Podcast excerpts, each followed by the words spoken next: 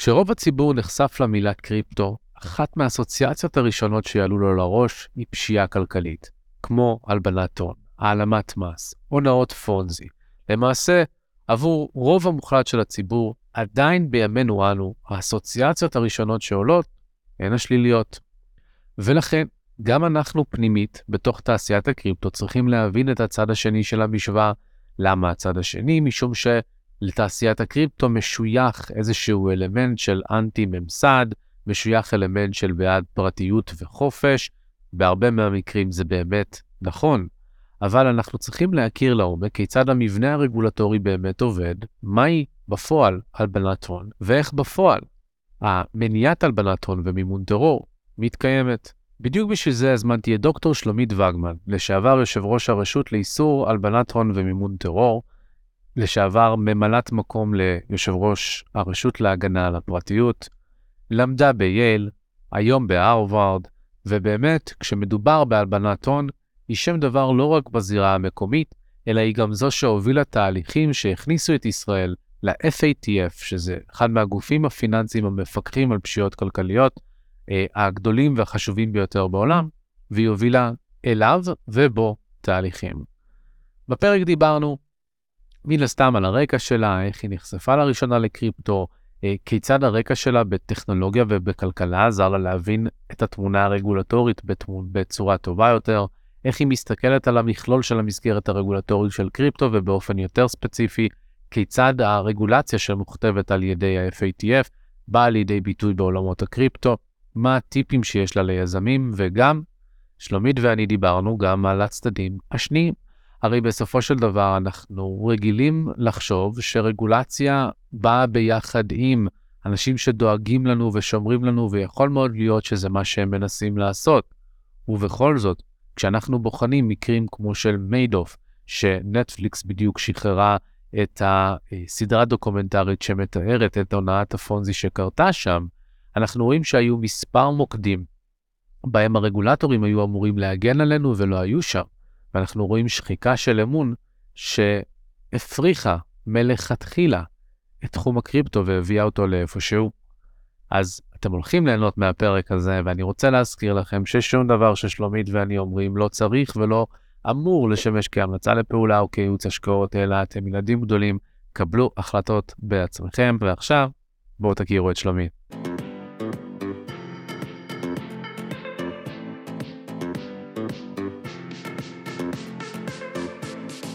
שלומית וגמן, ברוכים הבאים לפודקאסט מדברים קריפטו, מה שלומך? בסדר גמור, תודה רבה על ההזמנה. בשמחה, כיף גדול וכבוד גדול. את ואני באמת הכרנו לפני מספר חודשים, זכיתי להתארח אצלך בקורס שהעבר, שהעברת ברייכמן אה, על עתיד הכסף, שקיבלתי עליו פידבקים באמת מצוינים. אה, אז באמת, תודה שאת כאן. אני אשמח קודם כל שתתני קצת למאזינים את הרקע. מי את, דוקטור שלומית וגמן. תודה רבה, ואני ממש שמחה להיות כאן. אה, אז באמת מבחינת הרקע המקצועי שלי, אני לאורך כל הקריירה נמצאת על התפר המשולש הזה שבין טכנולוגיה, משפט, רגולציה וכלכלה. אה, התחלתי, למדתי משפטים ומנהל עסקים, התמחיתי בבית משפט עליון אצל הנשיא אהרן ברק, משם עברתי ללימודים באוניברסיטת יל של מאסטר ודוקטורט, והתמקדתי בנושא טכנולוגיה. אה, אז העסקנו את עצמנו איך ייראה האינטרנט לפני עשרים ומשהו שנה, ו cyber crime ופשיעה ואיך זה משנה את העולמות. אה, לאחר מכן הלכתי לעבוד במשרדי עורכי דין מהמובילים בעולם, ב Wachtell Lipton בניו יורק, משרד בוטיק שעושה עסקאות ענק של מיליארדים, וכל הזמן משך אותי החיידק הזה של לחזור לממשלה, כדי להשפיע על הרגולציה. בייל תמיד מלמדים אותך שזה לא משנה מה המשפט עכשיו, אלא איך הוא צריך להיראות. אז זה היה הדבר שלקחתי איתי ורציתי לחזור לממשלה כדי להשפיע בצורה מהותית. אה, נכנסתי לממשלה אה, כיועצת המשפטית של הרשות לאיסור הלבנת הון. אני אגלה לך בסוד שלא ידעתי דבר וחצי דבר על הלבנת הון, אבל בתוך כשלוש וחצי שנים הפכתי למומחית אה, בתחום. מוניתי גם לראש הרשות לאיסור הלבנת הון, ובעצם הובלתי את פעילות הרשות בישראל, גם בזירה הבינלאומית, דרך ארגונים בינלאומיים וחברות בהם, ובחלק מזה גם הסדרנו את נושא הקריפטו, כפי שנדבר על זה בהמשך. אה, לאחר שסיימתי את הקדנציה שלי, החלטתי שאני רוצה לקחת 180 מעלות וללכת למקום, לשבתון, במקום הכי פותח מחשבה שאפשר, וזה בחזרה לאקדמיה, אני נמצאת כעת באוניברסיטת הרווארד, כ faculty associate ב Berkman Center ו-research uh, fellow ב Kennedy School, uh, באיזושהי תקופת של פסק זמן של לחשוב איך תיראה הכלכלה בעתיד, ומה הטכנולוגיות עושות לה כדי שהיא בעצם תיראה אחרת, ואני מניחה שנדבר גם על זה כאן היום.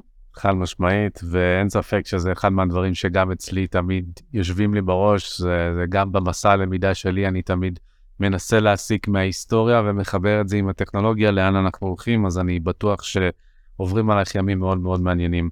אמ, בואי נצלול טיפה על ההיכרות שלך עם הקריפטו, הרי בסופו של דבר אה, זאת השאלה הקבועה שאני שואל כל פעם שמגיע אורח חדש לפודקאסט, מתי נחשפת לראשונה לתחום? מה הייתה התפיסה הראשונית שלך לגביו? יש את אלה שבאים ואומרים זו הייתה גאונות מהרגע הראשון, יש את אלה שאומרים הונאה, פשיעה, כל הדברים הרעים, אה, וכיצד זה גם השתנה לאורך הזמן.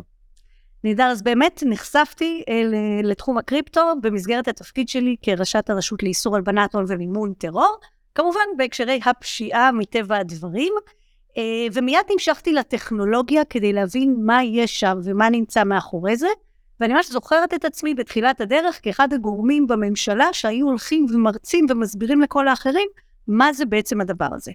בהתחלה הוצאנו אזהרה, מדובר בדבר מאוד בעייתי, נדמה לי ב-2014, כלל הרגולטורים אה, הפיננסיים, הוצאנו אזהרה בנושא, אה, אבל לאט לאט ככל שלמדתי את התחום, הבנתי שיש פה אירוע אה, אחר. אירוע אחר בהרבה ממדים, שבעצם מאוד הזכיר לי את המצב שבו הייתי לפני כ-20 שנה, כשחקרתי את האינטרנט בתחילת דרכו. אה, תביאו לי את הממונה על האינטרנט, אז תביאו לי את הממונה על הקריפטו. וככל שצללתי פנימה והבנתי יותר את הטכנולוגיה, זה גרם לי להבין שמעבר לתופעות הפשיעה, שהם סיכונים משמעותיים ורציניים, ואנחנו נדבר עליהם, וגם איך, מה ניתן ומה לא ניתן לעשות, יש פה תופעה אחרת, שאנחנו רואים את תחילת האבולוציה שלה בעיניי. אה, אני אשווה את זה אולי לעידן אה, המידע, שבו האימייל אה, שינה את כל מה שאנחנו מכירים לגבי מכתבים ופקסים, ושינה את הדרך שבה אנחנו מעבירים מידע. אני צופה שטכנולוגיות הבלוקצ'יין, ואני אחדד, לאו דווקא הקריפטו, הקריפטו זה הדבר המאוד ראשוני והגולמי והלא בשל, אני צופה שיש לזה פוטנציאל לשנות את האופן שבו אנחנו מעבירים value בין גורמים שונים, בעיקר בדברים המתקדמים יותר והשימושים ש...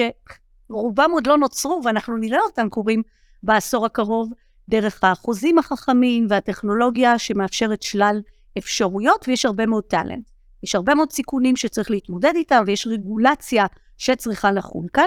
ואולי אני כבר אתחיל ואפתח סוגריים ואגיד שאנחנו נמצאים בזירת, בזירה כלכלית, בזירת הפינטק. ומה שחשוב להבין, והרבה פעמים אנשים לא מבינים את זה, בעיקר יזמים, יוצא לי לפגוש המון יזמים עם טכנולוגיות, ויש נקודה שמתפספסת פה פעמים רבות. יש את הפין ויש את הטק. בדרך כלל היזמים מסתכלים על הטק, אבל הפין זה דבר דרמטי. בזירה הפין, הפיננשל הרחבה, זה זירה שהיא heavily regulated. יש רגולציה על כמעט כל דבר שאתה עושה. ברגע שאתה מקבל כסף, מוציא כסף, יש רגולציה שחיה. שסובבת אותך עם עונשים מאוד מחמירים בצידה, מכיוון שיש פה איזשהו אמון במערכת הזו. ואם לא מכירים את הדבר הזה ולא מבינים אותו לעומק, נמצאים בחשיפה מטורפת. לא רק חשיפה, אלא גם בעצם סובלים מהדרה פיננסית וחוסר יכולת לפעול בזירה הזו. ורק מי שמבין שברגע שהוא נוגע בכסף בנושאים הטכנולוגיים, הוא כבר נכנס לזירה שהיא בעצם רגולציה פיננסית, יכול to scale up ויכול לפעול בזירות הללו. למה זה חשוב פה? כי זירת הקריפטו, או זירת הבלוקצ'יין, היא בדיוק כזו, זירה שהיא נמצאת באזור שהוא heavily regulated. עכשיו, אפשר לבוא ולהגיד, מה זה משנה? אנחנו אנר... אה, נתחיל אפילו מהסקאלה הקיצונית, אנרכיסטים, זה לא חשוב, נפעל בלי זה ונתקדם קדימה.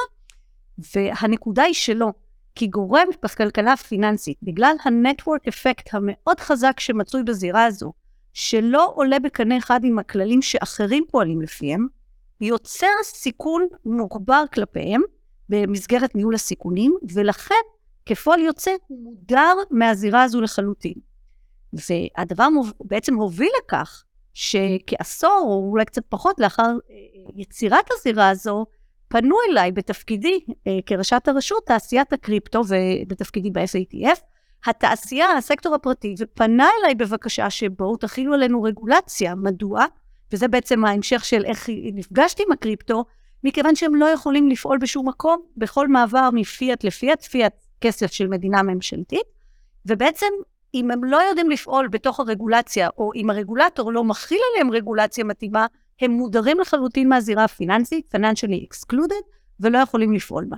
ולכן בעצם המסרים שלי או הניסיון שלי הוא כפול, הוא פעם אחת להכיר את זה במובן של הפשיעה, אבל פעם אחת במובן של איך להסדיר את זה כדי לתת איזושהי אפשרות לתעשייה הזו לפעול, לחלקים הנורמטיביים שבה כמובן, כמו כל דבר יש חלקים שליליים, אבל יש פה הרבה מאוד שיקולים של איך יוצרים את הזירה הזו. ו- ואני רק אגיד גם שאני אתן איזשהו כאילו ספוילר אה, למה שנציג אחר כך, שיש פה הרבה מאוד אה, תפיסות רומנטיות של זירה שהיא אנרכיסטית, אה, מבוזרת, אה, עם הרבה מאוד אנונימיות, ושלא אה, צריך להיות trust, אמון בין גורמים זרים. אני טוענת שהפירמידה פה מתהפכת על הראש שלה, ואנחנו רואים, ואנחנו נפרוט את זה לפרטים, איך מדובר בעצם בזירה שהיא 180 מעלות, או מתפתחת לכיוון שהוא 180 מעלות מהחזון הזה, מבחינת אנונימיות, ריכוזיות, אמון וכן הלאה, נדבר על זה. מגניב, אז באמת אה, נדבר על זה, ויש גם uh, uh, חוט נוסף שאני רוצה למשוך בו, וזה כיצד את רואה את ההבדלים בין קריפטו לבין בלוקצ'יין. אני אטען שהבלוקצ'יין כטכנולוגיה קיימת כבר עשורים ולא צברה אימוץ, עד שהגיע קריפטו שאפשר לה uh, מבנה תמריצים כדי להפוך אותה למאוזרת, ובכל זאת אני כן רוצה להציף משהו. קודם כל, באמת את מדברת על אנרכיזם, זו מילה שחזרה uh, פעמיים או שלוש במשפטים שהרגע ציינת, והאנרכיזם בקריפטו הוא מיעוט קולני, בסופו של דבר uh, נמצא קיצון של סקאלה, אה, שרואה את הממשלה כגוף שפוגע בחופש הפרט בצורה דרמטית, אה, וזה גם חלק מההטיות שעושים כלפי התעשייה כמכלול, כי רוב התעשייה לא אנרכיסטית, אלא היא באמת רואה בחדשנות שבלוקצ'יין וקריפטו מביאים למשוואה כחדשנות נדרשת. אה, עכשיו, דיברת המון על רגולציה שקריפטו צריך להתאים את עצמו. ואני רוצה לשאול אותך, לפני שאנחנו צוללים לאיך הרגולציה עובדת ואיך היא באה לידי ביטוי בהלבנת הון גם, למה לא ההפך? ואני אסביר. כשהכתב רק נוצר, היה איסור על הכתב, היה רגולציה, מי יכול לכתוב ולקרוא. אה, זה לא אומר שהחדשנות שהכתב הביא איתו לא שינתה את העולם מקצה לקצה. בסופו של דבר הרגולטור נאלץ להתאים את עצמו. בנסיבות האלה, אנחנו חיים בעידן של כסף יד, של כסף ממשלתי ריכוזי, שנשלט ביד רמה על ידי השליט, שמנסה ליצור מערכת סגורה ככל שניתן. והמערכת הסגורה הזאת מונעת חדשנות, מונעת חופש, מונעת אחריות אצל הפרט, אה, והאם לא נשאלת השאלה גם ההפוכה, שבמסגרתה גם הרגולטור צריך לעשות התאמות ולהבין שהוא לא יכול, אה, ופה אני אציף כבר נקודה שאני הולך להציף בהמשך, אה, לצאת מנקודת הנחה שכולם עבריינים עד שהוכח אחרת, במקום שכולם חפים מפשע ושזו אחריות שלו להוכיח שהיתר עבריינים. אז בוודאי, כלומר, כמי שעוסקת כל הזמן במשפט וטכנולוגיה, יש פה תהליך הדדי. המשפט צריך להתאים את עצמו, לנסות להציב עקרונות ניטרליים לטכנולוגיה ככל הניתן, אבל להתאים את האופן שבו הוא מוכל אה, על הסקטור, ואני חושבת שנוכל להדגים את זה בחלק מהדברים שנדבר עליהם.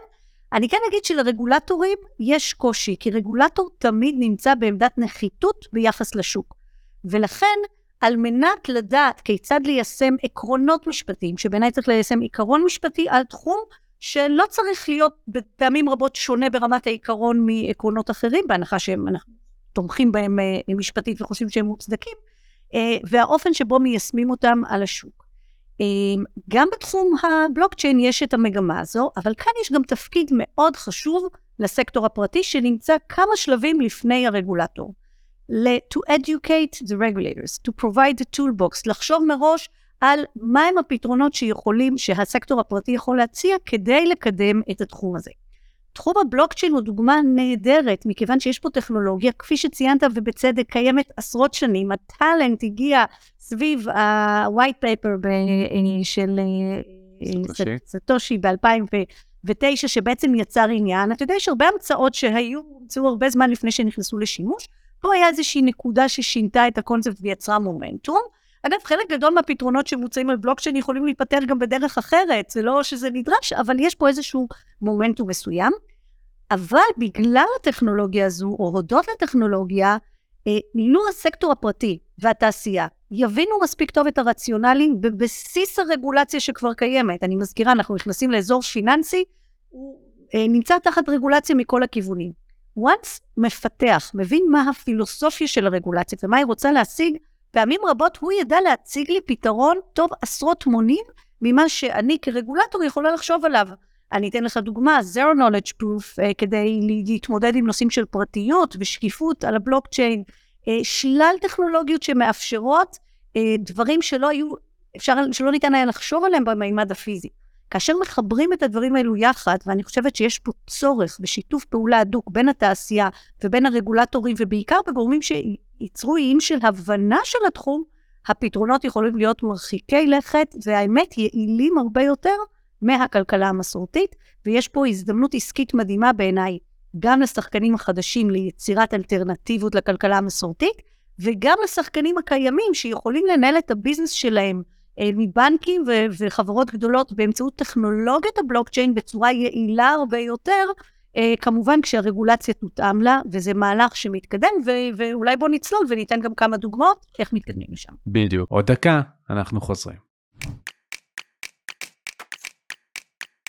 אני רוצה לתת לכם הצצה לאחד מהדברים שאני הכי נהנה לעשות בשנה האחרונה. מסלול בלוקצ'יין אקספרט. קורס ייחודי וממוקד עם הסמכה רשמית של הלשכה לטכנולוגיות המידע בישראל שיהפוך אתכם למומחים בטכנולוגיית הבלוקצ'יין. מאחורינו כבר כמה מחזורים, יותר מ-100 משתתפים, ביניהם רואי חשבון, עורכי דין, סוכנים, יועצים, בכירים בתעשייה המסורתית ובתעשיית הקריפטו, וכולם באו ללמוד מהמרצים המומחים ביותר בתעשייה. הבלוקצ'יין הוא אחד מהתחומים הלוהטים ביותר בעולמות הפיננסים והטכנולוגיה, ולמרות התקופה המאתגרת שהשוק הזה עובר, החברות והתאגידים הגדולים בעולם, כמו בנק לאומי, ויזה, פייפל, ג'יי פי מורגן, מבינות שהטכנולוגיה כאן כדי להישאר, מגייסות עובדים ומפתחות מוצרים במרץ. אבל העובדים האלה צריכים ידע והכשרה מקצועית, וזה בדיוק מה שאנחנו מספקים. אם אתם רוצים לקדם את הקריירה והעסקים שלכם ולהיות בחזית של עולם הטכנולוגיה והתעסוקה של המחר, זאת ההזדמנות שלכם. שריינו את מקומכם במחזור הבא של בלוקצ'יין אקספרט. כל מה שאתם צריכים לעשות זה להשאיר שם וטלפון בקישור למטה, ואנחנו נדאג לשאר.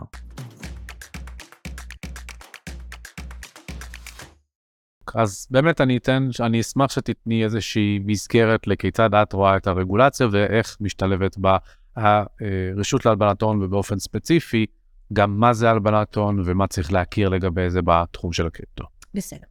אז uh, באמת, uh, אני, אני אתחיל אולי מ... Uh, אני חושבת שישנם כחמישה או שישה תחומי רגולציה משמעותיים, שיזם בתחום הבלוקצ'יין צריך להכיר וחייב להצליח להתממשק אליהם, בין אם כעת או בעתיד, כי הרגולציה עוד לא התפתחה בכולם. אני אמנה אותם ונתחיל מהלבנת הון. התחום הראשון, וזה היה התחום הבוער ביותר, זה פשיעה כלכלית. פשיעה כלכלית וסנקציות, זה הדבר שכאב ראשון לרגולטורים, פושעים, טרוריסטים, התחילו להשתמש בדבר הזה, וזה יצר איום על האינטגריטי של המערכת הפיננסית. אמנם זה עוד לא בהיקפים גדולים, אבל הפוטנציאל פה הוא ברור, כבר נדבר על זה. ולכן בנושא הזה כבר יש איזשהו מענה משמעותי. אני אגיד רגע עוד בכללי, שבעצם יש עוד מספר נושאים שמוסדרים באופן איטי. אחד מהם זה הנושא של ניירות ערך, בעצם הגנת הצרכן והגנת המשקיעים, תחום שמתפתח כעת. נושא של מיסוי, אוטוטו אנחנו נראה, אנחנו כבר רואים, אה, וזה ימשיך ויתפתח, איך מונים ארביטראז'ים אה, מיסויים כאלו ואחרים והתחמקויות. נושא של אה, מדיניות מוניטרית, של ממשלות, privacy, cyber security ועוד. אז נתחיל מהנושא הראשון שכאב לעולם, וזה הפשיעה הכלכלית. תחום הלבנת הון זה תחום שבעצם אה, אה, נמצא בהסדרה בינלאומית, לא ישראלית, זאת לא יוזמה ישראלית. לפני כ-35 שנה האמריקאים ומדינות ה-G7 הבינו שהם לא מצליחים להילחם בפשיעה. הפשיעה משתלמת, פשוט כך. כל עוד לא לוקחים לעבריינים את הכסף שלהם, תמיד יהיה איזשהו איש קש שייקח על עצמו את האשמה, ילך לכלא, וראש הארגון ימשיך לחיות בשלווה בפנטהאוס שלו עם המרצדס או מה שזה לא יהיה, וימשיך לגלגל כסף. כדי להילחם בכך, הוחלט על מספר צעדים. ראשית, הבינו שמדובר בבעיה גלובלית. בעיה גלובלית כי אם תפעל רק במדינה אחת, לא תצליח לפתור את הבעיה, וגם בינינו, למדינה בודדת אין אינטרס להילחם בהלבנת הון, כי לכאורה זורם כסף למדינה, מה הבעיה? הכל טוב. אז א', החליטו שיהיה מדובר במאמץ גלובלי, ושכל המדינות צריכות לעשות את אותו דבר. פיתחו כלים של אכיפה כלכלית, עבירת הלבנת הון, אה, כיצד להתחקות אחר הפעילות הזו, הוטלו חובות על הסקטור הפרטי, שזה הגורם שקרוב ביותר לעבריין ולכסף שלו, ואם הוא היה רוצה לדעת, הוא יכול אה, אה, אה, לדעת מה מקור הכסף או מה הפעילות של העבריין. אם אה, אתה זוכר, הסודיות הבנקאית שבעבר הייתה מקודשת, ובנקאי היה סותם את האף, אה, אוזניים ופה ולא שואל, לא יודע, לא מריח, היום בעצם יש חובות על הסקטור הפרטי שצריך לדעת ולשאול מה קורה, ואם נראה לו שיש חשש, לדווח למדינה, ועוד סט של כללים שלא ניכנס אליהם כרגע, אבל הדבר נועד כדי ליצור אינטגריטי במערכות הפיננסיות ולוודא שהם לא ינוצלו לרעה להלבנת הון, ואם הם כן, יהיה דיווח למדינה וניתן יהיה להתמודד עם זה. Uh, הוקם ארגון בינלאומי שנקרא ה-FATF, ה-Financial Action Task Force, שבו חברות מדינות ה-G20, 20 הכלכלות הגדולות, uh, ועוד uh, קומץ של מדינות, בערך 17 מדינות נוספות, שבעצם בא ואומר, אלו הכללים שאנחנו הצבנו, מי שלא פועל לפי הכללים הללו, מכיוון שאנחנו 20 המטבעות החזקים בעולם, זה אפילו פחות uh, מבחינת מטבעות, אנחנו קובעים את הכללים, מי שלא יתיישר לפינו, לפי הכללים הללו, ימצא את עצמו בחוץ, מחוץ לזירה הפיננסית, כל יחסי הקורספונדנציה, העברות כספיות, הפעולות הפיננסיות מול מדינות של G20, אה, אה, יזכה להרבה מאוד קשיים ועלויות מאוד גבוהות. ובכך הם בעצם ייצרו מנגנון שמדינה שלא עומדת בכללים הללו שהוצבו, חוטפת סנקציות כלכליות ברמת ה business to business, מדינה למד... אה, אה, סקטור פרטי לסקטור פרטי. המסגרת הזו שה-FATF יצר היא מאוד חזקה ובעצם גורמת לכך שפחות מ-40 מדינות קובעות ל-206 מדינות וטריטוריות איך להתנהל בתחום. מי שלא עושה, בצורה, מי שלא עושה את זה בצורה טקטיקנית, מוצא מחוץ למערכת הפיננסית באמצעות כל מיני מנגנונים של רשימות אפורות ושחורות וכן הלאה. למה זה מעניין כאן? כי ארגון ה-FATF זיהה בשלב די מוקדם, אה, שבעצם הקריפטו באותה תקופה מהווה איום. אה, עבריינים, טרוריסטים משתמשים בו, זה בעצם, מתנצלת, תחום שיש בו אנונימיות מרובה, אין באמת גורם שמפקח על הזירה הזו. כל עסקה מהטבע שלה היא בעצם cross border. מה זה אומר? כלומר, אתה לא יודע איפה אה, אה, אתה נמצא ואיפה אני, וכל עסקה בינינו, אם בעולם הכלכלי המסורתי הייתה עוברת דרך בנקים ועוברת איזשהו אה, screening, יכול להיות שאתה באיראן ואני נמצאת ב North Korea ואנחנו מעבירים בינינו כספים ועוברים מתחת לרדאר. ולכן הסיכון בעסקאות הללו מבחינת הלבנת הון ומימון טרור הוא מאוד מאוד גבוה. במימון טרור הסיכון הוא אפילו גבוה יותר, כי בשביל לבצע פעילות טרור מספיקה, אה, אה, מספיקים סכומים מאוד נמוכים ולכן יש פה קושי. ולכן ה-FATF יצר מסגרת כדי להתמודד עם התופעה הזו. לפני שאני אדבר על המסגרת, אני רגע אתן את המקום הגיאומטרי של איפה ישראל נמצאת במקום הזה ובמשוואה. Uh, בעצם בישראל משטר איסור הלבנת הון נכנס לתוקף בשנת 2000. זה היה אחרי שישראל נכנסה לרשימה השחורה המפופקת של מדינות שאמרו, מה אכפת לנו, כאילו, זה לא בעיה שלנו, להפך. ישראל קיבלה כסף מכל יהודי העולם הטובים, uh, שלקחו את כספי העבירות, העלמות מס שלהם, לצד כספים כשרים כמובן, והביאו אותם לכאן. ישראל נכנסת לרשימה שחורה בשנת 2000, נעשים מאמצים מטורפים להקים את הרשות לאיסור הלבנת הון ולהוציא אותה מהרשימה השחורה. ישראל מתחייבת לקבל על עצמה את כל הסט הזה של הכללים שכל הזמן מתעדכן, ולהקים את הרשות לאיסור הלבנת הון שתעשה את הניטור של הפעילות החשודה הזו. אה, וכשיש את הבעיה, בעצם תדווח. אה, אה, תפעל ותעשה אכיפה כלכלית. פעילות האכיפה הכלכלית בישראל ביצעה הצלחה מסחררת. ממקום שהיינו בו לא באפס, אלא במינוס, ביצענו קפיצת דרך אדירה ומשמעותית, עד כדי כך שבשנים האחרונות, בתהליכים שהובילה הרשות לאיסור הלבנת הון בתקופתי, עברנו ביקורת על ידי הארגון הבינלאומי FATF, וישראל שהקימה מערכים מדהימים של אכיפה כלכלית ויכולת להתחקות אחר הכסף, אה, באמצעות הרבה מאוד טכנולוגיה, כי זה לא דבר שאפשר לעשות בלי טכנולוגיה, זכתה לעלות לאחת משלושת המדינות המובילות בעולם ביכולות שלה ובאפקטיביות שלה לעשות את זה, כשהרשות לאיסור הלבנת הון עצמה שהגדילה את, את עצמה בצורה אדירה ואת הטכנולוגיה, אה, נמנית אה, נמנתה בזמנו לשתיים הכי טובות בעולם, הכי אפקטיביות בעולם, הכל לפי קריטריונים חיצוניים, זה תחום שכל הזמן מודדים אותו, שוב, בגלל החוסר אינטרס של מדינה לעשות את זה בלי אה, כפייה חיצונית. Mm. אז ישראל אה, בעצם עשתה את הקפיצה דרך המשמעותית הזו, ובעצם התחקה אחר הפעילות אה, אה, הכלכלית. בשנת 2018 הצלחנו גם להיות אחת מהמדינות הבודדות שהתקבלה להיות חברה בארגון ה-FATF, כפי שציינתי, פחות מ-40 מדינות שקובעות לכל העולם אה, איך לפעול בתחום. אני גם הייתי אה, יושב ראש קבוצת עבודה ב-FATF ובוועדת ה-steering committee של הארגון ועוד, ובאמת לקחנו חלק משמעותי בעיצוב הכללים שיחולו על הקריפטו בהיבטי איסור הלבנת הון ומימון טרור. אמ, ובעצם אה, הכללים שבהם הצבנו, ניסינו לחשוב קודם כל מה הסיכונים, ומצד שני גם מה ההזדמנויות. הייתה חשיבה בתחילת הדרך להוציא את הקריפטו מחוץ לחוק. אני אגיד בכנות, בתחילת הדרך, שעוד לא הבינו במה מדובר, כמו שהרגולטורים בישראל שהוצאנו ב-2014 אזהרה, אה, בהרבה מאוד אה, מדינות G20 בעולם ישבו וחשבו, מה עושים עם הדבר הזה? וזה היה מאוד מפתה ללכת ולנסות להוציא את זה מחוץ לחוק, כי זה איום ונורא, וזה כל מה שאמרנו קודם, אף אחד לא שולט על זה, בין גבולות ואנונימיות וכן הלאה. אבל אז חלחלה התובנה שיש פה innovation אה, כלכלי, טכנולוגי משמעותי, ושבעצם בצורה אמיתית ועמוקה אי אפשר לעצור את הטכנולוגיה. כלומר, זה עניין של טכנולוגיה. וגם אם ננסה להגיד זה לא חוקי ולסגור את זה מפינה אחת, ייווצר שוק שחור וזה יקום ממקום אחר. ולכן, וזאת בכלל הגישה של משטר איסור הלבנת הון באופן כללי ושלי באופן אישי, כשיש תחום מאוד מסוכן, הרבה יותר אפקטיבי זה לפתח ארגז כלים כדי להתמודד עם הסיכון, מאשר להגיד שהכל מסוכן, לעיין את כולו וליצור בעצם במודע שוק שחור. אה, אני גם אגיד שגם פה בישראל, אחד משרי האוצר קרא לי בזמנו ואמר לי, למדתי עכשיו על הקריפטו, הבנתי שזה נושא נורא מסוכן, טרור, אה, אה, ומה לא, ודאעש משתמש בזה וכן הלאה.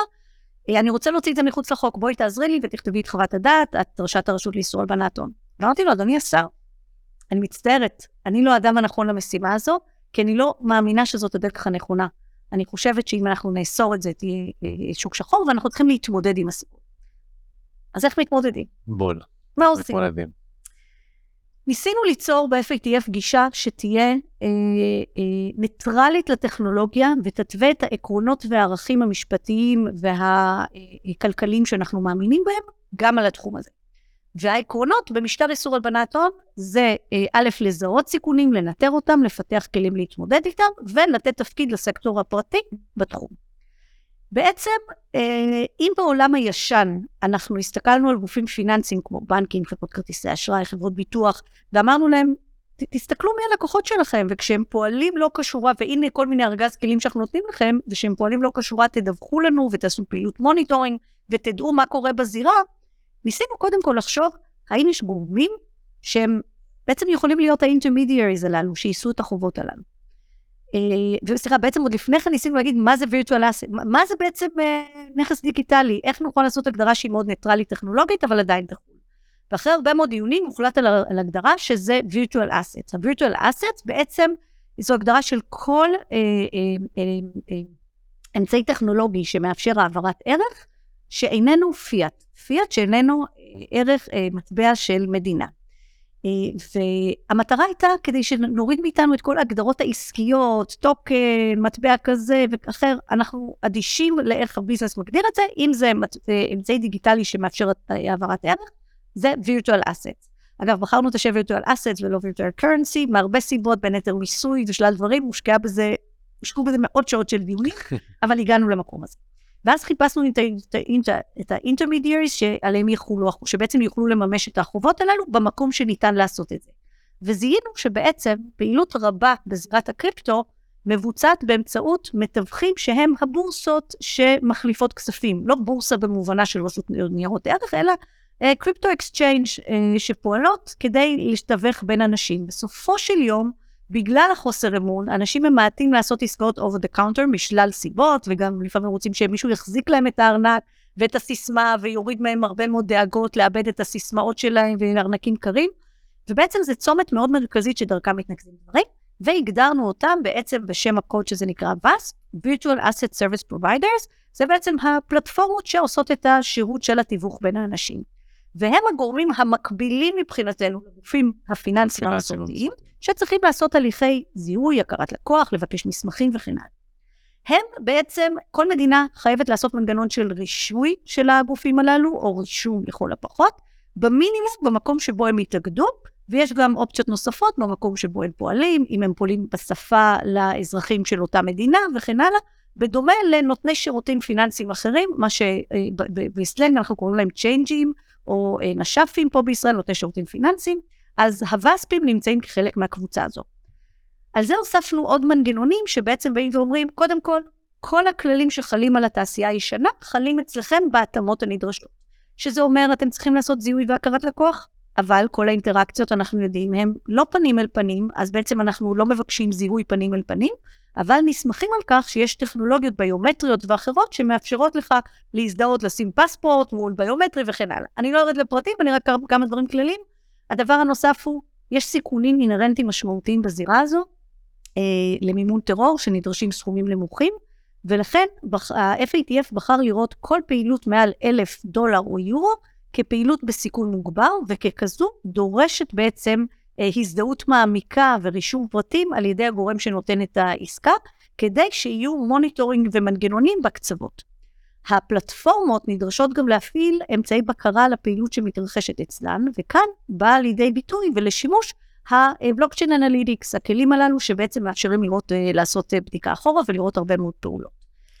מה זה אומר סיכון מוגבר? כי הרי בסופו של דבר אלף דולר זה כלום בבליטה, בואי נשים את הדברים על השולחן, זה סכום מאוד מאוד נמוך שגם מחזיקי קריפטו קטנים אה, מבצעים באמצעותו פעולות, אז זה בעצם אומר ש... שמה? שמנטרים על כולם יתר על המידה, מדווחים עליהם, על פעולות שלהם, מה, מה זה בעצם אומר לנו? מה שזה אומר, זה לא אומר שמדווחים עדיין בשלב הזה, זה אומר שיש אמצעי זיהוי בנקודות המעבר בדרך כלל בין הכניסה מפיאט לקריפטו ויציאה מקריפטו לפיאט, בנקודות הממשק. וזה מאפשר, אם יש צורך, ללכת ולעשות הנדסה לאחור ולראות מי עמד מאחורי הפעילות הזו. אלף דולר ועוד אלף דולר ועוד אלף דולר מצטברים להרבה מאוד כסף. וזה בעצם אחד הפאטרנים של הלבנת הון, מה שאנחנו קוראים להם בשפה המקצועית אה, דרדוס, smurfing, שזה דבר ידוע. עכשיו, באמת הייתה התלבטות האם לעשות את זה מהשקל הראשון, מהדולר הראשון, או מרף כלשהו. אלף דולר ויורו זה הרף המקובל פחות או יותר לפעילות של מימון טרור, אה, שכבר יוצרת איזשהו טריגר. אני אגב אציין שבאיחוד האירופי, במיקה, בדירקטיבה שיוצאת כעת, הם החליטו על threshold של אפס. מהשקל, מהדול, מהיורו הראשון נדרש זיהוי, כדי לאפשר את הזירה הזו כזירה בטוחה. וכאן אני רגע חוזרת שוב למשהו שהוא נשמע לנו כאילו קצת כפרדוקס, הרי זו זירה שהיא ללא רגולציה ופתוחה וכן הלאה. הראשונים לבקש את הרגולציה הזו זה שוב הסקטור הפרטי, שבאים ואומרים, אנחנו לא מצליחים לפגוש את המערכת הפיננסית המסורתית. בכל מקום שאנחנו מגיעים אליו, אנחנו מצורעים. מדוע אנחנו מצורעים? כי אין שום מנגנון של signaling שמאפשר לנו אה, אה, אה, לשדר לצד השני שאנחנו בסדר, אנחנו לגיטימיים. ובאו ואמרו לנו, תחילו עלינו כל רגולציה שתרצו, המקבילה לעולם הפיננסי, רק תנו לנו אותה כדי שנוכל לעמוד בה ולהראות את זה לאחרים. למה העולם של ה signaling חשוב? אה, נניח אני שלומית רוצה ללכת לקנות אה, מטבע קריפטו, ויש לי כמה אופציות בין בורסה מרו, שהיא מרושיינת או לא מרושיינת. אם אני אלך לאפיק המרושיין, אני נמצאת במקום שבו מבוצעים הכללים הללו, זיהוי, הכרת לקוח, דיווח עליי לרשויות, במידה ואני מבצעת פעולות חשודות מבחינת פאטרנים, וזה עובר הלאה.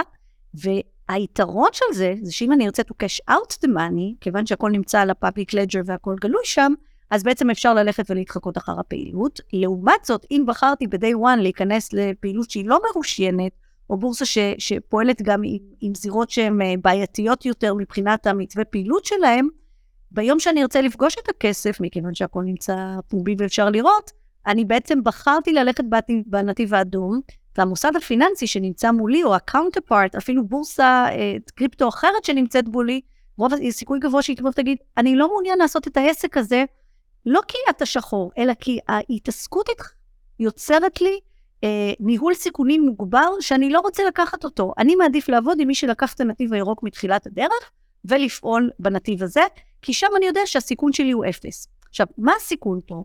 ברגע שאתה פועל בפעילות שעשויה להיות קשורה למימון טרור או הלבנת הון, שוב, לא זירה הלבינה הון או עשתה מימון טרור, אני לא מדברת על המקרים הללו, הלקוחות. הם ניצלו אותך לרעה, הם מכניסים לך בדלת האחורית, נגיד סיכון של מימון טרור. זה אומר שאופק, האמריקאים, אה, התביעות של אה, אה, בין מאזרחים שנפגעו או מדינות, יהיו כולן על הגב שלך. הבנקים וגופים מוסדיים גדולים נכוו מכך, הצלקות על הגב שלהם הן אדירות. הם לא שמו לב שלקוחות הכניסו כספי הימורים, מימון טרור, הלבנת הון, והם אלו שבסופו של דבר בחשיפה גם לתביעות של לקוחות שנפגעו, גם להליכים של המדינה בנושא הזה, וגם עוד מחלטים להם את הכספים שנמצאים אצלם בבנק, למרות שהם נתנו תמורתם הלוואות ודברים אחרים. זה סיכון מאוד מאוד גדול, שהם לא רוצים לקחת אותו. אני אגיד גם שיש עוד נדבך אה, במטריה הרגולטורית שהנחנו, וזה בעצם התאמה של הכללים של הסוויפט לעולם הדיגיטלי. כלומר, לקחנו, כמו שבסוויפט, כשמעבירים בין, בין לשלומית כספים, בין סיטי בנק לבנק פועלים כספים, יש סוויפט בין העברות בינלאומיות עם סד של פרטים של originator, beneficial ownership וכן הלאה. העתקנו את זה לעולם הפיננסי בדבר שנקרא travel rule, שבעצם אה, אה, אה, יחד עם העסקה המידע אה, זז.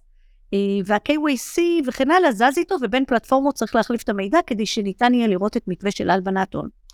לא דיברנו עד הסוף מה זה אומר הלבנת הון, אבל אני אגיד במילה, אה, מלבין הון רציני ומקצועי לא יעביר ככה מיליון דולר בין בין לשלומית. זה לא עובד ככה. עושים דברים הרבה יותר מתוחכמים, ועסקאות שרק באנליטיקה מתוחכמת של פאטרנים, ניתן לתפוס ולראות את זה. אגב, מלבין ההון הפשוט, העבריין הקטן, הוא קצת פחות מעניין בעולם של משאבים מוגבלים. אנחנו מחפשים את המנגנונים. ובמקומות הללו, דווקא זירות הקריפטו, או הבלוקצ'יין, מהוות הזדמנות אדירה לגופי אכיפה. מדוע? כי בעצם הכל נמצא על ה chain ומתועד. וברגע שיש לנו את האפשרות הזו, יחד עם ה blockchain analytics, ויחד עם המידע ה-AML-CFT, ה-KYC, המידע שהלקוח נתן בנקודות הקצה, בעצם אם יש לנו כוחות מחשוב מאוד חזקים, בעצם הכל פרוס לפנינו ופתוח. ועד כמה שנהוג לחשוב שהזירה הזו היא אנונימית, אני יכולה לומר כגוף אכיפה, זה החלום שלנו. אנחנו מפצחים חקירות, גופי חקירה בצורה, בצורה מדהימה, מכיוון שבעצם אין פה אנונימיות. יש פה הרבה מאוד שקיפות, אנחנו רואים הרבה מאוד פעילות אה, שהיא פומבית על ה... כן, יש, יש סודו אנונימיות. בדיוק, ואם בעבר היינו צריכים לפנות לגופים פיננסיים ולבקש מידע בצו בית משפט, או לחכות לדיווח כדי לראות תנועות פיננסיות, פתאום כאן הכל פרוס, ויש יכולת מאוד מוגברת לעשות אה, חקירות, ובאמת להגיע אה, לעבריינים, או להגיע לאנשי הקש שעומדים ב front שלהם, שזה לא הם עצמם או הם אמני אבל זו בעיה שאנחנו יודעים להתמודד איתה גם בעולם הקיים. כן. אני רוצה להודות לנותנת החסות שלנו, Binance, הגוף המוביל בתעשיית הבלוקצ'יין והמטבעות הדיגיטליים. מיליונים משתמשים ב ecosystem של Binance בכל רחבי העולם, ואם אתם רוצים ללמוד עליו יותר, אתם יכולים לעשות זאת בתיאור הסרטון. אני יכולה לתת דוגמאות? כן, זהו, זה בדיוק מה שאני רוצה לצלול אליו. באמת, אנחנו חווינו אירועים אה, מאוד מאוד דרמטיים בתעשייה, במיוחד בשנת 2022, בין אם זה מקרה FTX ו Luna. אה, ויש גם לא מעט עננים של אי ודאות שמרחפים כרגע נגד גופים כמו Binance או אה, רשתות הבנקים האמריקאים Silvergate אה, וכמובן שכל ה aftermath של מקרה FTX ו Alameda Research, שגם שם היו הרבה מאוד ממשקים, on-ramp ו off-ramp, בין VASP ים לפי ההגדרה של הרגולטור, לבין בורסות קריפטו שהתגלו כהונאה או לחלופין, יש שחושדים כרגע שעשו עבירות הלבנת הון כאלה ואחרות. אז אני אשמח גם שתתני את התפיסה שלך באמת על האירועים שקרו ב-22 ושחלקם עדיין מתגלגלים, וגם אם יש לך דוגמאות לשתף במקרים שהיית מעורבת בהם, או שאת חושבת שהם אה, מעניינים למאזינים. בסדר. אז יש פה הרבה שאלות, אני אנסה אה, לפרק אותם. אה. המקרים שלנו של FTX, לונה ואחרים, קודם כל בואו נתחיל מהשורה התחתונה, זה pure fraud. פשוט מאוד. אבל אתה נוגע פה בנקודה סופר חשובה, שאנחנו נמצאים באזור של רגולציה לא ברורה, חסרה, אולי לא קיימת, של בעיקר הגנה על משקיעים ועל צרכנים. וכאן בעצם מה שקורה זה ש... כלומר, אם היה פה איזשהו בקרות מינימליות או, או כל דבר אחר, זה היה נחשף, הרי המפרק, המנ... מי ש... המנכ"ל שמונה אה, לנהל את FTX לאחר הפירוק שלה, שאגב היה מפרק של אנרון, אמר שהוא מעולם לא ראה התנהלות כל כך אה, רשלנית אה, ושערורייתית, מרישום כספים והעברות שלהם, באמת fraud ברמה הנמוכה ביותר. אבל אני חושבת שהאירוע הזה של FTX הוא אירוע מכונן חשוב, יחד עם האירועים שקדמו לו, כי הוא בעצם גורם לכך שאם אם הרגולטורים בתחום של פשיעה כלכלית וסנקציות הצליחו ליצור מנגנון אגב, בינלאומי ואחיד, בכל המדינות חל אותו מנגנון, שזה הישג מטורף, זה דבר שהוא מאוד מאוד חריג, ויש כללים מאוד ברורים, אה, ויש כבר אכיפות משמעותיות בתחום. אה, אני רק אגיד כדוגמה, האירוע של Coinbase, ששילמו לפני שבועיים שלושה 100 מיליון דולר קנס, על אי עמידה בכללי הלבנת הון, כלומר, הם לא עשו את הזיהוי והכרת לקוח כמו שצריך, הם לא עשו screening מספק של לקוחות חשודים, ממש ה basic, כמו שנכנסים לבנק ועושים לו עיצום ושילמו על זה 100 מיליון דולר, רשויות ברחבי העולם שכולן כבר מאבדות את הסבלנות ותוקפות, כי, יש רגולציה ברורה, ותוקפות את זה. אנחנו היינו אה, אה, אה, בבולגריה, את נקסו, אם אני לא טועה שזה השם שלהם שנכנסו ועשו את זה, ואנחנו רואים את זה בהרבה מאוד מדינות, ואגב, יש לנו את בייננס שנמצאת על הרדאר אה, של לא מעט מדינות, כי היא לא מרושיינת כמו שצריך בחלק גדול מהם, ויש אה, אה, אזהרות אה, ללקוחות וכן הלאה. אז בתחום הזה של האיסור הלבנת הון, שיש רגולציה שהיא כבר קיימת, אה, נאכפת יותר, נאכפת פחות, יש שם לא מעט אתגרים, אבל אנחנו כבר, רואים כבר enforcement actions בנושא הזה. בתחום של ה-securities, של ההגנה על משקיעים ועל זה, ש-FTX נמצאים שם, פה אנחנו נמצאים באזור אחר.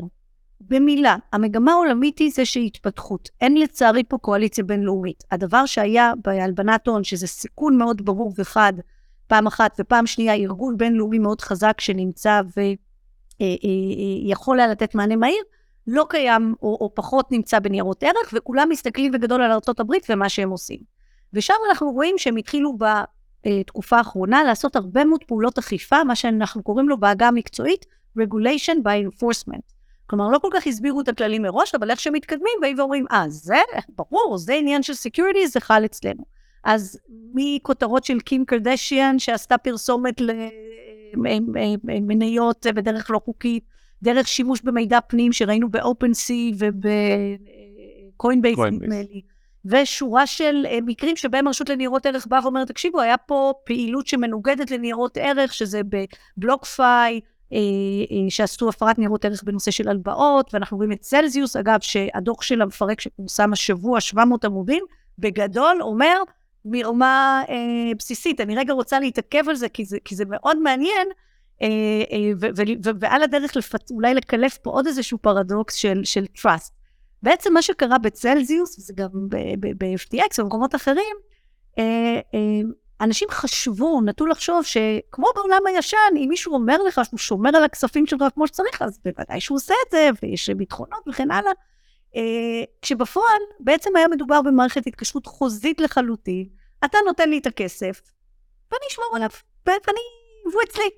Not your coin, not your keys, not your coin, הכי, פס, הכי פשוט שיש. אגב, בצלזיוס, ממש בדוח שלה מפרקת uh, מהשבוע, היא אומרת, למרות ההצהרות כל הזמן שאנחנו מבטחים לכם והכל בסדר וכן הלאה, מכיוון שהם בסופו של דבר לא היו תחת uh, רגולציה ברורה, uh, הם לא עשו שום דבר מזה ולקחו את זה לכיסים שלהם, כיסו עליו לבלעות של הבעלים. עוד פעם, באמת מרמה ברמה הכי בסיסית. וזה בעצם מראה לנו את הפרדוקס הזה של ה trust. אמרנו שהקריפטו נוצר ממקום של אה, בינינו אין trust, אני רוצה שנהיה מסוגל, אנחנו רוצים להעביר כספים בינינו, הנה פרוטוקול אה, פומבי וגלוי, אנחנו מעבירים, ולכן אנחנו יודעים שהכסף עבר, לא צריך את הבנק, לא צריך את HSBC בשביל שזה יקרה, הנה אין אמון והצלחנו אה, לפעול.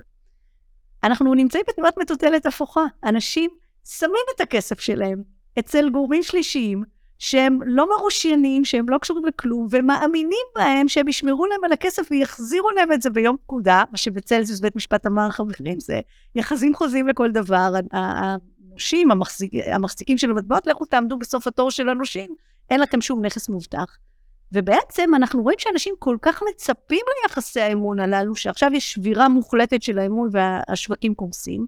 וכאן המקום הוא בעצם של פעם אחת הרגולטור ליצור את כללי המשחק הברורים של מתי הנכס שלך בטוח ומתי לא, האזרחים שבסופו של דבר כן רוצים את הביטחון הזה, גם אם לא בבנקים, והתעשייה שתיצור את ההסדרים הללו.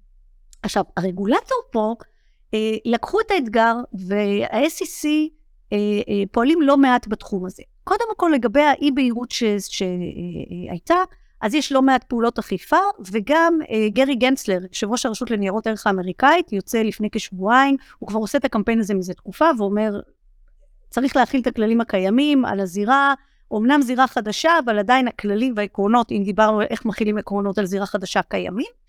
ובא ואומר, בסרטון מאוד פרובוקטיבי אגב, שהוא פרסם, ממליצה לכם לראות בטוויטר, בכל זאת ראש רשות ניירות ערך האמריקאי שם סרטון בטוויטר, ואומר, חברים, זה לא משנה איך אתם קוראים לנכס. אתם יכולים לקרוא לזה זהב, אתם יכולים לקרוא לזה כסף, אתם יכולים לקרוא לזה פיאט, אתם יכולים לקרוא לזה, כדבריו, צ'ינצ'ילות.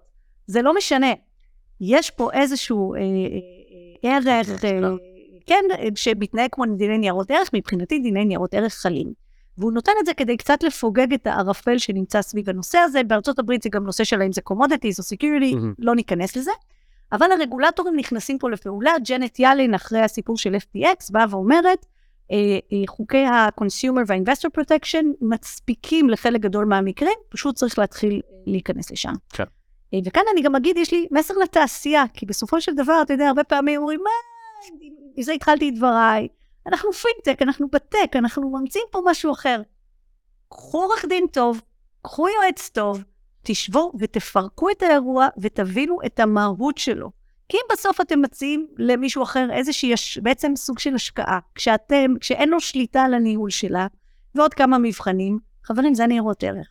ולא משנה איך תקראו לזה, אם לא תסדרו את זה, ואגב, לפעמים זו בחירה אה, מאוד אה, בסיסית בשלב של העיצוב של הזירה שלהם, ש, ש, איך שהם בוחרים לעצב אותה, האם תהיה אה, בזירה שהיא compliance או לא, האם יש לך מספיק כן. בקרות או לא, ואם אתה נורמטיבי ורוצה לעשות עסקים, הבחירה הראשונית הזו היא מאוד קריטית אה, להבחנה בין הדברים. בטח. אני רוצה אה, גם להסכים איתך על חלק מהדברים, אבל מצד שני גם לשת... לש... לשמש בתור ה-Devil's Advocate. בסופו של דבר, גם אני אה, אחשוב אולי ב-70% מהמקרים כמו גרי גנצלר, שהרבה מאוד מהמטבעות קריפטו שנמצאים היום, הם ככל הנראה הונפקו לפחות על בסיס החוקים הרגולטוריים הקיימים, כן יהיה ערך לא חוקי, ועל כן אני מבין למה הוא נכנס שם למשוואה. אני גם מסכים שיש בעיה גדולה של ריכוזיות בתוך תחום הקריפטו, שבמסגרתה אה, אנשים מתפתים להצעות כמו שהוצגו על ידי צלזיוס עם 18% או 17% ריבית על ה-USDT שלהם, או 12% ריבית על הביטקוין שלהם, וזה מפתה אנשים ללכת ולשים שם את הכספים. מהצד השני, חשוב לבוא ולומר שיש פה, רגולציה היא עניין של אמון.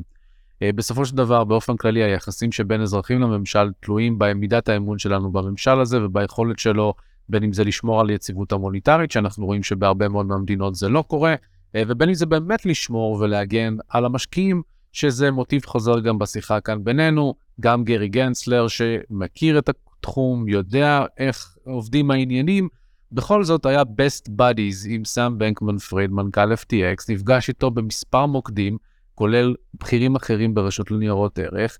אנחנו יודעים לומר על FTX שהיו מספר צמתים קריטיות, שבהם הרגולטור ממגוון רחב, בין אם זה ה-Federal Reserve, שאישר בנק שנרכש בעקיפין על ידי FTX, עם כל המסמכים, כל הדוקומנטציה הברורה, לבוא ולומר שיש כאן משהו בעייתי. אנחנו רואים את ה-CFTC, הוועדה לפיקוח על מסחר בחוזים עתידיים ונכסים, שאפשרה ל-FTX לקנות בורסה מפוקחת על ידי ה-CFTC, מבלי לשאול שאלות. וכמובן ה-SEC בעצמו שהיה שם במקום הזה. Uh, מעבר לזה, ממש לפני uh, כחודש התפרסם בנטפליקס הדוקומנטרי שעשה שמות על מיידוף, ארבעה פרקים שבהם אחד מההיילייטים המרכזיים עבורי זה שאין באמת אבא ואימא. כי בסופו של דבר הרשות לניירות ערך קיבלה רשימה עם כל הדגלים האדומים על למה הבן אדם הזה, ברני מיידוף, שאחראי לעונת הפונזי, הפונזי הגדולה ביותר בהיסטוריה, בעצם נוכל גדול ומנהל פונזי מהצד, והיא פשוט התעלמה מזה. אז הם לא היו שם כדי להגן על הצרכנים, ומכאן שבחזרה לעניין האמון, האמון נשחק. עכשיו, האמון נשחק גם בבורסות קריפטו, ובאמת אנחנו רואים החל מקריסת FTX, אין מה לעשות, צריך להחזיר למשוואה בעיניי לפחות את עניין האחריות האישית, ושמי שסמך על מישהו שהוא לא אמור לסמוך עליו, הוא צריך לקבל עונש כדי להבין למה הוא לא יכול לסמוך עליו. כששמים לנו מעטפת, שבמסגרתה אומרים לנו, מה שהרגולטור אומר, זה תמיד מה שטוב, אתם יכולים לסמוך על זה, ואם לא נציל אתכם, בעצם מוציאים עונשים מהמשוואה, וכולם יודעים שהכל בסדר. פוינט um, בינג זה שיש כאן התנגשות של עולמות. Uh, דיברנו על אלמנט של אנרכיזם ועל קריפטו והאם זה בלוקצ'יין ואיך צריך להתאים את עצמנו למערכת הזאת, אבל בסופו של דבר, מה שה... ביטקוין ספציפית וקריפטו כמכלול בא להציף, זה שיש חדש, חדשנות שנמנעת על ידי אותם חוקים ואותן רגולציות שמוכלים על ידי אנשים שלא עושים את העבודה שלהם בצורה מספיק טובה. אה, ואנחנו רואים את זה גם במקרים כמו המערכת הבנקאית ודברים שנעשו במסגרתה על אותו משקל. אה, ועל כן, איך בעצם בחזרה לאיזון הזה, קודם כל, האם אתם באמת עושים את ההפרדה בין מה שקורה און-צ'יין? הרי יש DeFi, יש את עולמות ה-NFT שיש בהם הרבה ספקולציה והרבה מאוד פשיעה, אבל יש גם הרבה מאוד טכנולוגיה חדשנית שהולכת להישאר איתנו לפרספקטיבה ארוכת טווח, ובעצם איך ההתנגשות של העולמות תקרה בעינייך? כי בסופו של דבר יש פה הרבה דברים טובים, ויש פה הצפה של חוסר אמון משמעותי במערכת הקיימת היום, בין אם זה בפיאט ובין אם זה ברגולציה. אוקיי, okay, אז אני אנסה, הצפת הרבה נושאים, הצפתי הרבה נושאים, ננסה ככה אה, לענות לכמה שיותר. ראשית, לגבי הנושא סביב הרגולציה של ה-FTX, אני כן אגיד מספר דברים. ראשית, אה, אה, אני לא, כמובן, הרגולטור כן, האמריקאי, כן, כן, כמו שאני רואה את הדברים מהצד זה כך. ה-SEC, אחרי הרבה דין ודברים, לא נתן ל-FTX רישיונות למרות בקשותיהם וצעדים שהיו, וזאת העובדה. ה-CFTC, ה-Commodities, Future Commodities Authority, כן נתנה להם, בעצם הם קיבלו רישיון על ידי רכישת אחד הגופים המפוקחים, ואז בעצם פיתוח הרישיונות. אה, לפי הדברים שנושא ראש ה-CFTC בסנאט אה, לא מזמן, הוא בא ואומר, תראו, קודם כל, כל הפעילות שהייתה תחת הישות האמריקאית, שהייתה אה, תחת ב-250 מיליון דולר, כל הלקוחות שנמצאו שם כן קיבלו את הכסף שלהם חזרה, להבדיל ממקומות שהלכו לרגולציה בבאמאס ומקומות אחרים. אגב, ללמדך על הנושא הזה של בעצם ארביטראז' רגולטורי ואיפה אתה בוחר לעשות את הפעילות שלך אה, וכיצד. יחד עם זאת, הוא מודה ביושר שארגז הכלים שלו לחלוטין לא מספיק. גם ה-SEC, אני אגיד, לצד הדברים שאומר גרי גנצלר, שאנחנו נראה בדינים כמוכלים, אין להם בהכרח את הכוח אדם, אגב, יש פה תחום של דבר שלא דיברנו עליו, שזה אומר הכשרה של צוות שיודע לטפל בקריפטו. ב, אה, כשהייתי ברשות לאיסור הלבנת הון, אה, אני ערכתי לכל עובדי הרשות סמינר של כמה ימים טובים, כולו על קריפטו. מדוע? כי רציתי שהם יהיו crypto natives, יבינו את השפה. עכשיו, זה לא שהיועץ המשפטי או, או כל האנליסטים גם יעשו תיקי קריפטו, אבל רציתי שהם לא ייבהלו מהדבר הזה. אבל מעבר ללהכשיר צוות, וכמובן להביא מומחים חיצוניים, אתה צריך לחייל מערכות, ליצור databases מתאימים, לכוון את זה לדברים המתאימים, לרכוש את, את התוכנות ואת המערכות ולפתח בעצמך, וזה אירוע סופר מורכב. ולכן גם הרגולטורים, אם אמרתי שהם עדיין לא שם בפיתוח מלא של הבנת הכלים, לוקח גם הרבה מאוד זמן לפתח את יכולות ה enforcement והאכיפה, ואכן יש פערים. וראש ה-CFTC גם אומר ביושר, הוא אומר, אני יכול להיכנס מכוח כל מיני סמכויות שלי, בעיקר בדיעבד ופחות מראש, ולכן לא יכולתי לדעת על זה, וצריך לתקן XYZ, אנחנו צריכים כוח אדם ותקציבים. אני כן אבל חושבת שיש פה מגמה מאוד ברורה, שהרגולטורים מבינים שאם הם העדיפו, והיו הרבה מאוד קולות כאלה קודם, להישאר מבחוץ ולהגיד בוא ניתן לשוק להתפתח וניכנס אחר כך, מבינים שהגיע הרגע הקריטי שבו יש לנו שווקים עם מעט מאוד שקיפות והרבה תחרות. והשילוב הזה יוצר מתכון לאסון צרכני, כי אנשים נופלים בפח אה, אה, ובאמת אה, חווים את הקריסות שאנחנו רואים. אז אמנם רוב המשקיעים ידעו שהם לוקחים סיכון מוגבר, אבל יש פה תחום שצריך להיכנס אליו, והרגולטורים מפשילים שרוולים ונכנסים אליו, בין אם ב-regulation by enforcement, כלומר בדיעבד, מה שאנחנו רואים היום, ובין אם זירוז התהליכים האלו והחשיבה. אבל כאן אני שוב רוצה לבוא ולהציף. אנחנו נמצאים בזירה שהיא מאוד מאתגרת ובשלבים מאוד מוקדמים שלה, ואני, אמרנו קודם ובעצם לא דיברנו על זה, על הבדל בין קריפטו לבין בלוקצ'יין. קריפטו זה באמת זירות אה, מאוד פרימיטיביות של הטכנולוגיה, שלדעתי עוד לא הוטמעו ה benefits המלאים שיכולים להיות בזירה הזו. ואני רואה פעילות של RegTech, regulation טכנולוגי, מדהימה שמבוצעת מתוך חשיבה של איך ליצור זירה שתהיה באמת אה, אה, כלכלה מתקדמת יותר, שתאפשר להכניס לתוכה את כל הערכים שהיינו רוצים לראות בצורה בטוחה יותר, וזה בעיניי הכיוון שהבלוקצ'יין שה, אה, ילך אליו בעתיד. איך אנחנו יכולים לשלב compliance built-in בתוך המערכת? איך אנחנו יכולים על גבי רשת הבלוקצ'יין כבר להטמיע אה, KYC data שהוא private, לא כל אינטרמידי uh, uh, בדרך צריך ויכול לראות אותו, אלא שיהיו לך אבל... קיז רק נגיד במקרה של צו של בית משפט, או כמה גופים שמתאגדים, או כל מיני... אבל יש כאן איזושהי התנגשות, שאני, סליחה שאני קוטע אותך, פשוט אה, אנחנו לצורך העניין רואים שה-IBM השיקה permission blockchains, אה, בין אם זה ביחד עם וולמארט, בין אם זה למולר מרסק, ובין אם זה גם, אה, אני לא זוכר אם IBM ספציפית הם מעורבים בזה, אבל הבורסה לניירות ערך באוסטרליה השקיעה על פני כמה שנים 170 מיליון דולר ב-permission blockchain. לתת את הפתרון הזה. התובנה של כל הצדדים האלה היה, אין טעם בפרמישן בלוקצ'יין, זה לא נותן להם את הכלים שהם נדרשים, כי זה בעצם מאגר מידע לא יעיל, שלא באמת יוצר את האמון. ומכאן זה מוביל אותנו לפתרונות שמבוססים על open blockchains, כמו ביטקוין, כמו איתריום, כמו רשתות בלוקצ'יין אחרות, אבל הרשתות האלה לא יכולות להתקיים בלי הקריפטו. אז אותי נש... נשאלת כאן השאלה, איך בעצם מסתכלים, איך אפשר להפריד את השניים?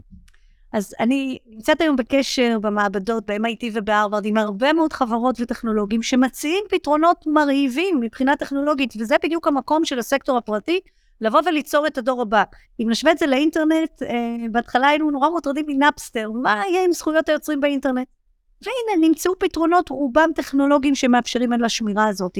גם בסביבת הבלוקצ'יין אני מאמינה שעם הרבה מאוד עבודה נכונה של התעשייה, אפשר לפתח את הפתרונות שגם בזירות שהן לא בהכרח אה, פומביות, ניתן להטמיע גם על דיפיי, גם על מקומות שהם הרבה יותר מתוחכמים מבחינה טכנולוגית, אפשר ליצור זירות של אמון עם הרבה מאוד חשיבה מראש של איך יוצרים את הדבר הזה. וואנס יצליחו להגיע לשם, נימצא במקום שבו התעשייה תוכל אה, לקחת את צעד קדימה, במובן הזה שכל הזמן, אתה יודע, צריך לאזן של יצירת סביבת אמון, של אה, אה, מקום שאפשר לבטוח במה שקורה שם ויש mitigating measures, אמצעים להתמודד עם הבעיה, ומצד שני לאפשר פעילות. אה, זה מאוד מתחבר בסופו של דבר, כפי שאמרתי בתחילת דבריי, עולם הלבנת ההון זה לא אחד או אפס, צריך לנהל סיכון. וככל שאתה יוצר סביבות שמאפשרות לך לייצר סיכונים, כך עתיד התעשייה יוכל להתמזג יותר ויותר עם כלכלה מסורתית. עכשיו, זה לא שאני פה באה ואומרת, צריך קריפטו לא צריך קריפטו, זה לא הנושא. אני חושבת שיש פה innovation טכנולוגי, הטכנולוגיה עצמה מאפשרת שלל אפשרויות.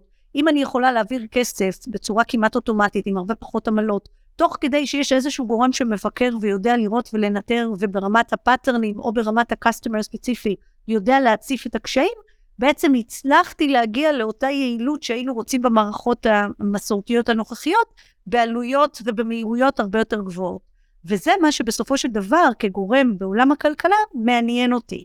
ואני חושבת שאם התעשייה תשכיל להקדים ול... ולתת את הארגז הכלים האלו לרגולטורים, שוב, זה נובע מהבנה מאוד משמעותית של הדבר הזה, ולראות איך אנחנו באמת מגשרים על הפערים שחסרים, אז אפשר לקחת את התעשייה כמה צעדים קדימה, ואותם יזמי פינטק גם יכולים להיות חלק מה fin ולא רק מה tech, באמצעות זירות כאלה, או אגב, להיעזר בספקים אה, צד ג' שיודעים לתת להם את הזירה הזו של ה compliance, והם יכולים לפעול שם. ואני חושבת שדווקא בגלל הטכנולוגיה, הזירה הזו תאפשר בעתיד שלא נצטרך לוותר ולבחור על או-או, או פרטיות, או לעשות עסקים. לא, אתה תוכל לשמור על הפרטיות שלך ברמה מאוד גבוהה למול הציבור הרחב והאנונימיות. לאפשר transparency ל-law enforcement authorities כשזה נדרש בהיבטים המתאימים. לדעת לתת את ה-trust, לא דיברנו בכלל על כל הנושא של custodian, שזה אירוע בפני עצמו, איך מנהלים את זה, איך באמת מבטיחים את הדברים הללו. איך אנחנו בעולמות, בכלל יש פה שאלות משפטיות בלי סוף, איך בעולמות של smart אה, contract, אה, אנחנו מוודאים שבאמת היום בעיניי אגב ה smart contract הם לא smart והם לא contract. הם לא smart כי בסופו של דבר הם מאוד מאוד טכניים, והם לא contract כי זה לא negotiation, וזה נתון למניפולציות ולתקיפות סייבר, ולשינויים בקוד ולבייס ולהרבה מאוד דברים. אז אנחנו נמצאים במקום שהוא בעיניי מרתק, כי אנחנו בתחילת הדרך, ויש לנו בעיניי עשור מרתק קדימה, שהרגולטורים הם אלו שככל שנכנסים למלאכה בשלבים המתאימים, יכולים לספק את הביטחון לזירה הזו ולאפשר לה להמשיך ולהתקיים אה, ולהשתלב בכלכלה המסורתית. אה, וכפי שציינתי בתחילת דבריי, זירה כלכלית יש נטוורק מאוד חזק של רגולציה. ואם שחקנים לא יודעים לשחק בתוך הרגולציה ולתת את הפתרונות, אני לא אומרת את האיך, אלא בסופו של דבר ליצור את ה-mitigating measures המתאימים כדי לייצר את הפתרונות, אזי הם יוכלו להיטמע בתוך הכלכלה בצורה מצוינת. ולכן זה תלוי במידה רבה ביכולת של התעשייה לפתח בעיניי את הכלים הללו. מגניב. ציינת בין לבין שאת רוצה אה, לתת בעצם, שקודם כל את ממליצה ליזמים לקחת אה, עורך דין כדי להבין איך לעשות את זה נכון, איזה עוד עצות יש לך ליזמים, לחברות שפועלות בתחום? בשמחה. אז קודם כל, יזמים חייבים להבין את הזירה שבה הם פועלים, וברגע שיש ערך, הגעתם, וולקאם, הגעתם לעולמות הרגולציה, אתם צריכים להבין את זה, זה פינטק, זה מקום שצריך אה, להתמודד איתו. אה, חוסר ודאות בזירות האלו בשלב הנוכחי הוא בלתי נמנע. כלומר, אה, אני יודעת שיש הרבה רצון לקבל סימן קריאה מהרגולטור, אבל כיוון שזו תעשייה בהתפתחות, ייקח זמן עד שזה יקרה, וצריכים אבל בעיניי להניח שבמקרים רבים הרגולציה תחול, ולכן כאשר מעצבים את המוצר, לא לבוא ולחשוב על איך אנחנו מצליחים להתחמק, או, או להימלט מהרגולציה, בעיניי רגולציה, גם בשווקים שרוצים לעשות disruption לכלכלה המסורתית, כדי להשתלב בהם, וזה קצת סוג של פרדוקס, כי בעצם אני אומרת, אתם עושים disruption, אבל אתם כן צריכים לקבל את הרגולציה. אתם צריכים להבין את העקרונות שלה, ולראות איך ה-disruption שאתם עושים באזורים הלגיטימיים, אבל לא באזורים שיהפכו אתכם לגורם שמהווה סיכון אה, אה, אה, אה, עסקי, אה, לא עסקי במובן של תחרות, אלא שאתם מקרינים את הסיכונים שלכם פנימה, ולדעת לא להיכנס במקומות הללו. אני גם צופה שלא יהיו ארביטראז'ים רגולטוריים לאורך זמן, וצריך לקחת את זה בחשבון. אה, אז אם היום אה, רושמים בבאמאס כי זה יותר קל, אה, צריך לחשוב על עולם שבאמת ילך לסטנדרטיזציה גבוהה יותר, ושאנשים יעדיפו להשקיע את הכסף שלהם ברגולציה יותר חזקה ומהימנה, נגיד ארה"ב כדוגמה, אבל האיחוד האירופי שעכשיו יש לו רפורמה מעולה. הייתי מציעה לכוון למקומות הללו מבחינת הפרינציפלס של איך אתה מעצב את הטכנולוגיה, גם אם אתה לא מבקש בסוף רישיון, אבל תשאל את עצמך או תשאלי את עצמך אם את תעמדי במקומות הללו. Uh, כמובן להתייעץ עם מומחים בתחום, ההחלטה שאתם לוקחים בתחילת הדרך היא קריטית לאיך המוצר שלכם ייראה, ופעמים רבות יכולתם לקחת שתי החלטות שונות, שיהיו טובות באותה מידה, תיקחו את זאת שיותר מסתדרת עם הרגולציה. Uh, uh, ושוב, disruption does not mean creating safe havens for criminals, לזכור את זה. לעשות שינוי בכלכלה לא אומר ליצור איים של שוק שחור, כי הניסיון מלמד שבלונגרן הכלכלות לא ייתנו לכם להמשיך עם זה, ולכן כדאי אה, אה, אה, לקחת את זה. ושוב, ציינתי את זה לא מעט, לקחת הובלה. חזרתי עכשיו מדבוס, מהכנס הכלכלי, הרבה מאוד חברות גדולות מתאגדות כדי ליצור סטנדרטיזציה. א', כדי שתהיה אינטרופרביליות בין המקומות האלו, אם רוצים ליצור זירה, צריך שבסוף יהיה אפשרות לעבור מעבר נוחה בין הדברים, ושלא כל אחד ימציא איזה מנגנון אחר. אה, אז גם סטנדרטיזציה אה, בין הדברים הללו וגם לעצב את הפתרונות שיאפשרו את היצירה של סבירה בטוחה כדי שיהיה סיכוי לכלכלה האלטרנטיבית הזאת להתפתח אה, בכיוונים הרלוונטיים. מגניב. שלומית, תודה רבה רבה רבה. היה מצוין, כיף ללמוד על ה insides של הרגולציה, ובאמת, אני מהצד שלי, ומה שאנחנו עושים כאן בקריפטו ג'אנגל, מאוד מסכים עם אה, הרבה דברים שאמרת, אבל יותר מזה, עם העניין של הכשרה וידע ושצריך לצרוך את זה. אה, אז שוב, תודה רבה. בשמחה, ושמחתי. אם כבר נשארתם איתנו עד עכשיו, איזה כיף לנו. נשמח שתדרגו אותנו באפליקציות השונות כדי שנוכל להגיע לכמה שיותר אנשים. כמובן שתשתפו את הפרק עם חברים, משפחה וכדומה. ואם אתם מעוניינים להמשיך ללמוד על עולמות הבלוקצ'יין והמטבעות הדיגיטליים וכיצד הם נוגעים בכם, בעסק שלכם, בקריירה שלכם וכמובן בעתיד הכלכלה והכסף, אני מזמין אתכם להיכנס ל-cryptojungle.co.il לקבל את כלל המידע מהמדריכים החינמיים ועד הקורסים המלאים והמקיפים והגדולים ביותר שתוכלו למצוא בארץ, המעמיקים ביותר, אז חבל שתפספסו. נתראה בפרק הבא.